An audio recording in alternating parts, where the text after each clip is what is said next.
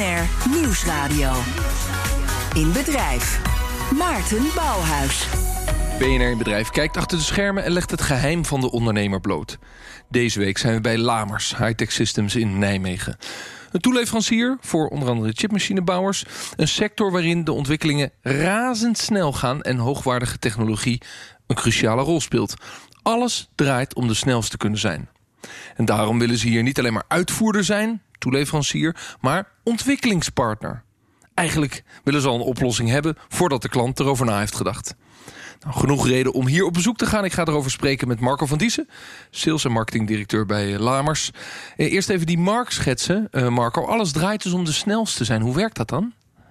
Nou, als je kijkt naar de chip manufacturing industry en de machinebouw die daar eigenlijk daar, de stap daarvoor zit is die markt is. Uh, er zijn bepaalde uh, tijdsperiodes die er zijn, waar er een grotere vraag is en een kleinere vraag en een grotere vraag. Dus je, je krijgt een golfbeweging. En als die markt oppikt, dus men moet capaciteit hebben om die chips te kunnen maken, dan is de kwestie van hoe snel er een machine geleverd kan worden belangrijker, bijna belangrijker dan de kosten van die machine. Dus bijvoorbeeld ASML, waar we het wel over zullen hebben uit Veldhoven, die wordt gevraagd om een machine te leveren. En, en op het moment dat die vraag komt, is het snelheid maken. En jullie zijn toeleverancier van hen, hè, aan heel veel meer bedrijven, maar onder andere ook aan hen. En dan, dan moet jij dus snelheid kunnen leveren. Ja. Met, met wat, wat jullie dan leveren? Ja, ook. Ja, wij zijn onderdeel natuurlijk van hun supply chain. Dus wij maken onderdelen, grote onderdelen, modules. Wat voor type onderdelen heb je het dan over? Nou, uh, ik, ik omschrijf onszelf altijd als zijn. wij maken de optimale beheersing van hoogzuivere gassen en vloeistoffen mogelijk in machines, installaties. Ja, dus er komt een grote deelcomponent wat bestaat uit heel veel slangen en pijpjes waar onder andere de gassen doorheen lopen. Exact, exact. Uh, het is de verbinding, dus de longen van de machine, zullen we maar zeggen, die ervoor zorgen dat bepaalde omgevingen die gecreëerd moeten worden in de machines om de chips te kunnen vervaardigen. Dat verzorgen wij dus. Ja, vroeger werd dat misschien wel bij jullie van de plank gekocht of er werd een tekening naar jullie kant op gestuurd. Maar je wil geen uitvoerder meer zijn, maar ontwikkelingspartner. Wat moet ik me daar dan concreet bij voorstellen? Nou ja, je omschrijft het goed. De, de historie van Lamers is natuurlijk... we zijn opgericht in 900, 1909 uh, als zijnde uh, installateur. Uh, maar ja, op een gegeven moment kom je op het punt dat het maken van die leidingen, het wordt, wordt steeds specifieker. En dan kom je op het punt dat ja, de, er komt concurrentie. Je krijgt mensen die dat ook kunnen. Dus je moet je verder ontwikkelen. En je moet dus die kant op van grotere modules, grotere systemen. En, en, en dat kan alleen samen met de klant? Ja, in de, in de meeste gevallen wel. Want je gaat, uh, je, het kan beide. Hè. Je, je, we hebben ons ontwikkeld natuurlijk naar een, een ander niveau toe. Uh, waardoor klanten door de specifieke unieke kennis die we hebben naar ons toe komen en zeggen van joh, we hebben deze machine, we willen die, uh, die longen gecreëerd hebben. Kunnen jullie dat voor ons samen met ons ontwikkelen? Ja, nou daar gaan we over doorpraten. Maar eerst maar eens eventjes uh, op stage, zoals ik zo graag ga in dit programma. Waar ga ik stage lopen om te beginnen? jullie gaan beginnen. Eerste stage is op onze design en engineering afdeling. En jullie spreken daar met Chris Rutte. En dat is de director design en engineer. Op weg dus naar de designafdeling, die eigenlijk in een beetje een standaard kantoortuin zitten. En achterin die kantoortuin staan ook nog een paar bureaus. Uh, en daar zie ik, ja, zoals uh, ja, designers en nerds met computers en grote schermen. En heel veel uh, gimmick en snoeren en apparaatjes en testapparatuur. eigenlijk hun leven gelukkig maken. Het ziet er altijd uit als een rommeltje, maar je weet dat er slimme dingen worden bedacht. want hier wordt gedesigned en niet alleen maar wat jullie bedenken, maar eigenlijk wat de klant wil. Zo is het toch, hè? Dat is uh, uitermate correct, inderdaad. Kijk, de klant uh, heeft een bepaald probleem. Uh, komt naar ons, omdat ze weten wat we voor competenties bezitten. En daarmee gaan we een specificatie opstellen. We gaan terug naar de klant. En we kijken ook van, hey klant, is dit wat jullie verwachten? Is dit wat jullie verwachten van het systeem? En als de klant dat akkoord bevindt, dan gaan wij creatief aan de slag gaat het uiteindelijk over uh, leidingen die in de cleanroom gemaakt worden. Die uh, uh, een OEM'er, zoals dat dan heet, een, een, een, bedrijf wat, wat grote machines maakt. Die heeft die veilige, schone leidingen van jullie nodig. Ja. Dan kun je die natuurlijk gewoon van de plank kopen en jullie kunnen ze leveren. Maar de verandering is nou juist dat jullie ze eigenlijk samen met de klant designen. Hoe, hoe heb je je afdeling zo kunnen inrichten dat je ja, bij de klant aan tafel mag zitten om het samen te ontwerpen? Allereerst hebben we een paar keer de klant weten te overtuigen van het feit dat zij op een gegeven moment componentkeuzes, materiaalkeuzes hebben gemaakt. Die in het veld tot uitval leiden. Die uh, achteraf toch niet de juiste keuze uh, bleek te zijn. Waarbij wij met alternatieven kwamen van hey, ik zou het zo hebben aangepakt, ik zou dit hebben aangepakt. Wat je daarmee krijgt, is dat de klant ook wel redelijk overtuigd wordt van de toegevoegde waarde. Uh, vroegtijdig een leverancier, een mogelijke leverancier, in te laten stappen in, uh, tijdens een ontwikkeltraject. Uh, we noemen dat early supplier involvement. Op, deze, op, op dit moment. Early supplier involvement, ja. oftewel eerder aan tafel zitten eerder als leverancier. Eerder aan tafel zitten als leverancier met jouw competentie en vakkennis en ervaring de klant wijzen van hey, als je dit doet, krijg je dadelijk uiteindelijk dat uh, als resultaat. Hoe zitten er in jouw team hier bij Lamers een mannetje of 35? Wat betekent het voor hen? Zijn ze echt op een andere manier moeten gaan werken? Uh, ze zijn zeker op een andere manier moeten werken. Waarom? Omdat zij voorheen eigenlijk een specificatie kregen. Werden geconfronteerd met bepaalde keuzes. Waarbij het eigenlijk te laat is om nog, of te laat of te duur is om iets te veranderen. Wat je nu hebt is, hey, wij gaan proactief met een klant praten. Uh, we nemen onze ervaring mee. Um, dus wat je uiteindelijk krijgt is ook wel een stuk uh, ja, fun factor voor die engineers. Want uiteindelijk een engineer die wil altijd iets nieuws bedenken. Dat is het leukste wat een engineer wil doen.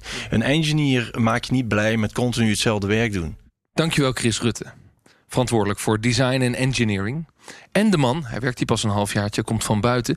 die hier dus voor moet gaan zorgen dat die engineering en design afdeling... echt op een andere manier gaat werken.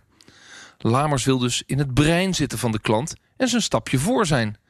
Redacteur Karin Baks heeft gebeld met Bas Peters business-to-business expert bij marktonderzoeksbureau Market Response. En hij ziet deze ontwikkeling vaker terug de laatste tijd. Met name in de toeleveringsindustrie zie je dat eh, bedrijven eigenlijk proberen het perspectief van de eindgebruiker of de eindklant uh, uh, beter op het, uh, op het netvlies te krijgen. bijvoorbeeld om hun eigen innovatierisico's te beperken. Ehm, ze willen eigenlijk goed weten wat er speelt, zeker met allerlei nieuwe technologieën die nu opgang doen, om ervoor te zorgen dat ze op het goede paard wedden en, en niet de boot missen. Ehm, een simpel voorbeeld zou, uh, zou kunnen zijn, vorige week uh, gaf de directeur van BMW aan dat BMW heel sterk gaat inzetten op, uh, op elektrische auto's. Als jij dan toeleverancier bent van onderdelen voor verbrandingsmotoren, dan, dan zul je wel moeten zorgen dat je weet wat er gaat spelen en dat je je organisatie daarop en je productontwikkeling daarop gaat, gaat inrichten. Dus ja, dat is wel een trend die we in B2B echt wel meer en meer zien. Ja, dus doordat ontwikkelingen zo snel gaan met de nieuwe technologie, moet je eigenlijk ook wel. Ja, ja. ja, je kan niet uh, veel B2B en met name de toeleveranciers denken echt nog steeds vanuit, vanuit producten. Uh, maar als de markt verandert uh, door regelgeving of door nieuwe technologie, dan kan het maar zo zijn dat je, dat je buitenspel staat. Dus men probeert eigenlijk steeds meer ja, aan tafel te komen, ook in de ontwikkelingsfase of in de, of in de innovatiefase. Ja, en hierop voortbordurend, wat zou volgens jou de vraag zijn die we nu even voor moeten leggen aan Lamers? Nou, de uitdaging is natuurlijk wel of je ook al die reputatie hebt. Hè? Of je al een volwaardige gesprekspartner bent op, uh, op dat uh, punt. Je bent niet de engineer, maar de, de producent. Dus uh, waar halen ze de claim vandaan, om het maar even zo te zeggen, dat ze bijvoorbeeld een ASML daadwerkelijk kunnen helpen uh, in, nou, in innovatie, in, in de engineeringsfase, behalve dan nou, zeg maar, af te wachten tot de orders van ASML binnenkomen en te produceren wat er ver, verwacht wordt. Dus ja, de credibility, het echte gesprekspartner zijn al in de engineeringsfase, in de, in de, in de ontwikkeling, dat is denk ik de grote vraag. Worden zij al als zodanig, als een volwaardige gesprekspartner in die fase gezien door hun klanten? Helder, want ze zullen niet zomaar een stoeltje bijschuiven. Nee, ze zullen niet uh, meteen uh, iemand aan tafel bijschuiven. Zeker in die ontwikkelingsfase. Daar is te veel van afhankelijk. Maarten Bouwhuis. Dat is interessant. Dat leg ik even voor aan Marco van Diezen, sales en marketingdirecteur hier bij Lamers. Ja, zeg het maar, waar haal je nou uiteindelijk de claim vandaan dat jullie klanten ook willen dat je aan tafel zit om, laten we zeggen, mee te designen? Nou, die claim die leggen wij neer, of die, die is meer dan bevestigd, doordat wij 1909 ervaring hebben, een expertise hebben, die is uniek in de markt. Dus die, die, die kennis van hoogzuivere vloeistof en gasmanagementsystemen is zeer specifiek. Uh, daar hebben wij dus x jaren ervaring in. Dus dan, dan begin je met die expertise. Maar in de markt waar wij in zitten, uh, in dit geval de halfgeleiderindustrie, is expertise niet genoeg. Je, je, moet, je moet ook een uitstekende performance hebben uh, om te kunnen voldoen aan de vraag van je klant. Als ja, maar wat heb je dan uiteindelijk moeten doen? En want dit is ook een transitie van de afgelopen jaren. Dat bijvoorbeeld een partij als ASML een stoeltje bijschuift en zegt: ga maar helemaal in de voorfase van de ontwikkeling bij ons aan tafel zitten en ontwikkel alsjeblieft mee. Wat heb je dan moeten doen om dat te bereiken? Dat is ook wat andere ondernemers willen, willen begrijpen en willen weten als ze naar ons luisteren.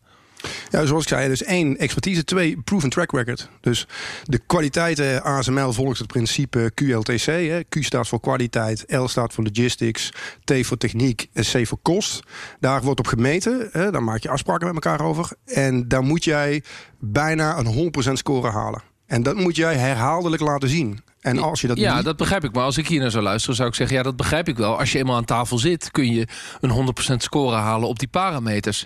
Maar je moet een keer voor de eerste aan tafel komen. Dat lijkt me zo ingewikkeld. Ja, die eerste keer aan tafel komen begint met, en bij ons bij, bij de, de, de heeft dat natuurlijk al tientallen jaren geleden bij de aanvang begonnen. Dus daar kom je terug op die expertise die er al jaren is.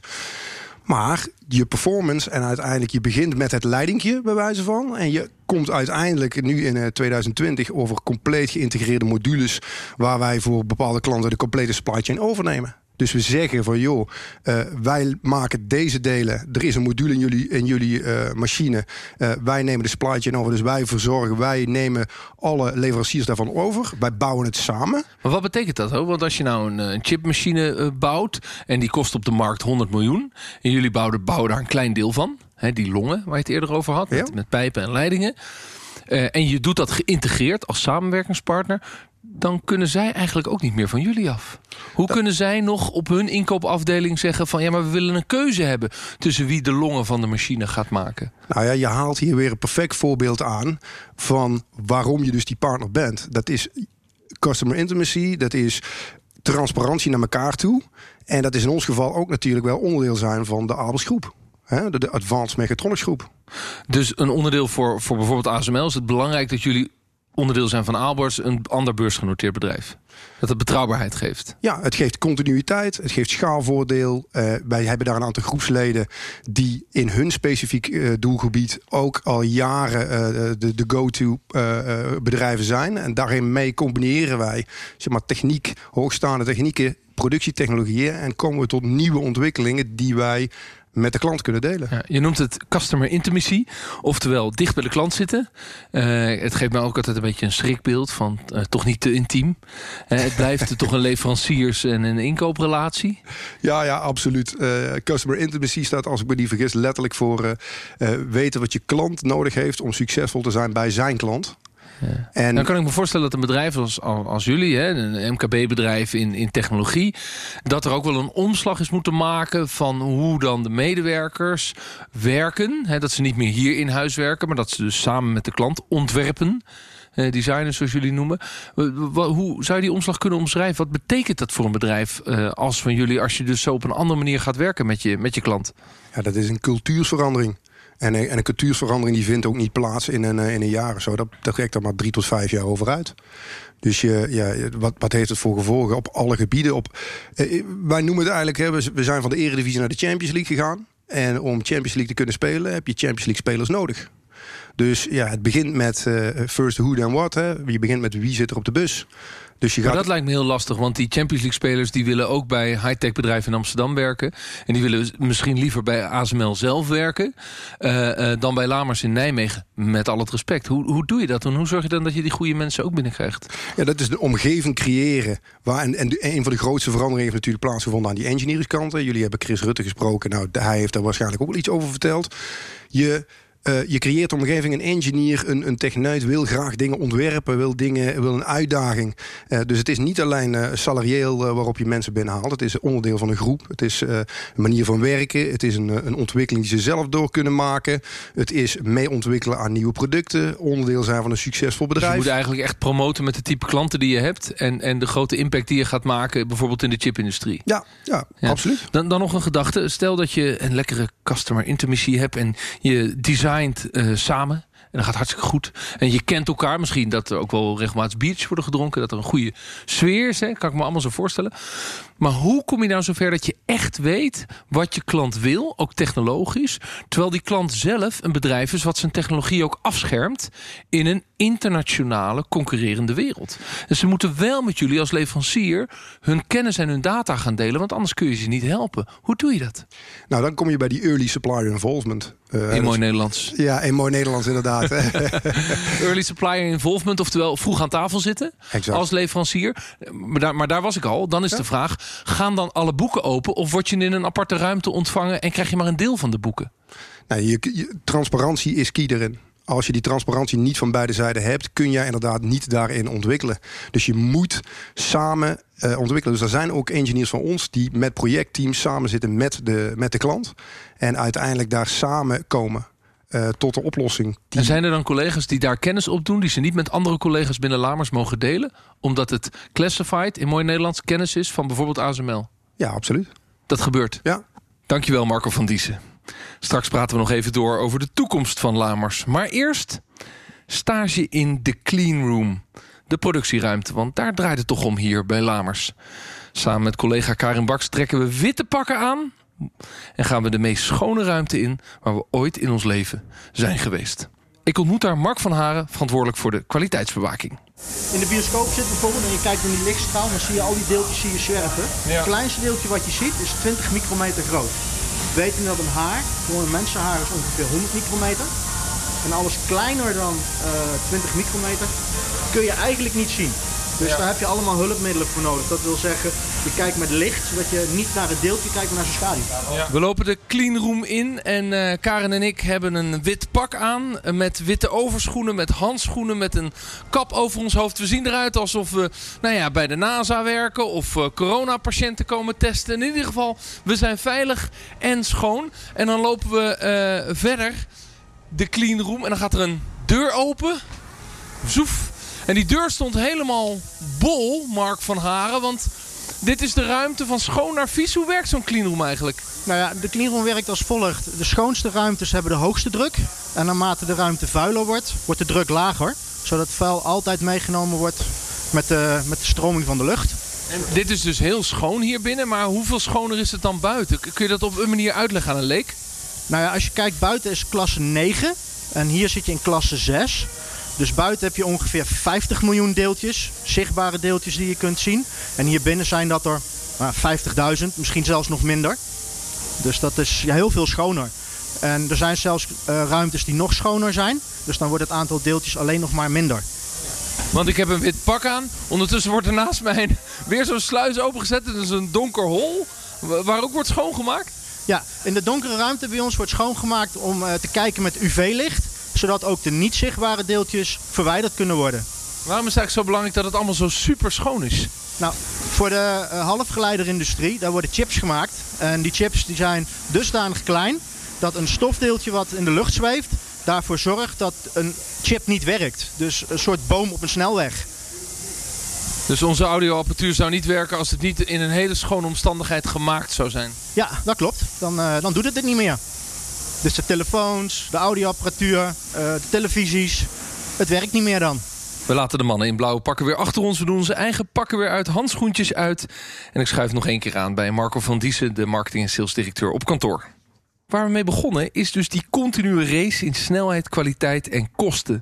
De vraag is natuurlijk, ja, we zitten nu op die piek 2020. Hoe ontwikkelt dat zich verder? Moet die snelheid steeds omhoog? Moet die kwaliteit omhoog? En, en hoe ga je daar als leverancier mee om? Snelheid is altijd natuurlijk een drijfveer in de, in de, de half, uh, halfgeleiderindustrie. Uh, maar er is zoiets als Moore's Law. Uh, misschien bekend, waar eigenlijk sinds 1965 gezegd wordt... het aantal transistors per chips, dus schakelingen per chips... verdubbelen elke twee jaar. Om een snellere uh, versie te krijgen, een verbeterde versie te krijgen. Ja, dat is dus een exponentiële groei. Als het gaat over een verdubbeling Absoluut. elke twee jaar. Nou, Die, die wet kennen veel luisteraars. En die maakt ook dat we dus in die exponentiële groei van snelheid van technologie zitten. Ja, en, maar we zijn wel op een, op een specifiek punt gekomen in die Moore's Law. Hè. Er zijn mensen die zeggen van hij houdt op. En er zijn mensen die zeggen hij gaat door. Uh, de mensen die zeggen het houdt op is het feit van uh, of jouw telefoon nou twee tiende van een honderdste seconde sneller is, is minder relevant meer voor de consument. En dat worden andere dingen belangrijker. En die mensen zeggen dus dat die snelheid die door moet groeien, dat, dat houdt op zich op of wordt minder. En er is een andere groep van mensen uh, waar, waar de key drivers zeg maar, voor, de, voor, de, voor die, die industrie zitten in artificial intelligence, hè, weer zo'n mooie Engelse term, uh, automotive industrie, uh, de Internet of Things en 5G. En de data die daar gegenereerd gaat worden, iedereen heeft overal sensoren in zitten, overal zitten chips in. En dat neemt nog, de aantal chips neemt steeds meer toe. De data die verwerkt wordt, neemt exponentieel toe. Daar hebben we datacenters voor nodig. Daar hebben we specifiek designde chips voor nodig die dat dan weer doen. Maar dat betekent dus dat er twee geloven zijn in die wereld. Ja. Van mensen die zeggen het gaat toch afvlakken, dus het groeit niet exponentieel door. De snelheid van technologische ontwikkelingen. En het andere geloof is het blijft wel doorgroeien. Ja, en de, de laatste groep uh, is wel de, de, grootste groep, zeg maar. Want en dat is ook de Lamersgroep. Absoluut, absoluut. Ja, absoluut. Dat is ook wel een beetje jullie belang. Uh, want dat betekent veel business voor jullie uh, in de toekomst. Omdat er dan steeds duurdere, ingewikkeldere, slimmere chipmachines moeten komen. En da daar leveren jullie aan. Ja. Correct. Dan, uh, waar staan we dan over vijf jaar? Dat is eigenlijk een vraag die ik aan alle bedrijven en ondernemers uh, stel waar ik, uh, waar ik kom. Is dat überhaupt te zeggen in jullie domein? Dat, dat is altijd, natuurlijk, er is altijd iets van te vinden. Het is moeilijk te bepalen, want de markt verandert enorm. Maar gezien de veranderingen die we doorgemaakt hebben in de laatste drie jaar, dus hè, de, die, die, die kennisopbouw, die uitbreiding van die competenties, die die, die kwaliteit, die QLTC-performance, die continu, continu is die, uh, die zorgt ervoor dat ja, de beperkende factor bij ons meer is capaciteit, of hoe zeg je het, uh, uh, uh, meer cleanrooms, meer productieruimtes, mensen. Dat is veel belangrijker voor ons, of veel, meer beperkend zou kunnen zijn voor de toekomst. Maar ook daar zijn wij natuurlijk met z'n allen mee bezig om ervoor te zorgen dat. dat dus er is de afgelopen jaren een, een echte groei geweest. Het groeit door. Uh, uh, maar de barrière daarin zit hem in... kan ik mensen vinden om nieuwe cleanrooms waar ik ben geweest... om die te bouwen en, die en, en daar personeel in te zetten? Ja, ook. Maar dan, dan niet alleen de productiedeel. Hè. Het, is, het, is, oh, het is over alle afdelingen, over alle disciplines... heb je gewoon mensen die, die, die Champions League spelers nodig... Zeg maar, om, uh, om door te kunnen pakken. En die, die basis is er nu. En nu is de kwestie van doorbouwen. Dankjewel. Marco van Diessen, sales en marketing directeur hier bij Lamers. Boeiend om een dagje mee te lopen bij Lamers. Een bedrijf waar je normaal nooit zou komen als, als leverancier van chipfabrikanten. Uh, en zij proberen het echt anders te doen. Ze willen bij hun klant aan tafel zitten. Ze willen in het brein zitten van die klant. Maar ja, hoe doe je dat? Ja, natuurlijk, je moet een stevige partij zijn. In dit geval beursgenoteerd. Uh, om te zorgen dat je een vaste langetermijnrelatie kunt hebben. En je moet hele slimme jongetjes en meisjes hebben... die ook een echte evenknie kunnen zijn van de slimheid bij de klant. Nou, dat is allemaal leuk. En dan kun je dat proces goed inrichten. Maar wat ik ook heb geleerd, je blijft leverancier. Dus als die klant zegt, ik wil nu mijn machine gaan leveren... dan moet jij ook kunnen leveren. Dus hoe slim je ook bent, als je niet kunt leveren... ben je volgens mij ook je leveranciersrelatie kwijt. Dit was BNR in Bedrijf voor deze week. Volgende week draaien we mee met hypotheekadviseur Visie. Een bedrijf dat de financiële sector duurzamer en langetermijn gerichter wil maken. Klinkt logisch, maar zij doen dat anders. Weet jij nou ook een leuk bedrijf waar ik zeker een keer moet meelopen? Mail dan naar inbedrijf.bnr.nl. Voor nu, bedankt voor het luisteren. Blijf ondernemen. Tot volgende week.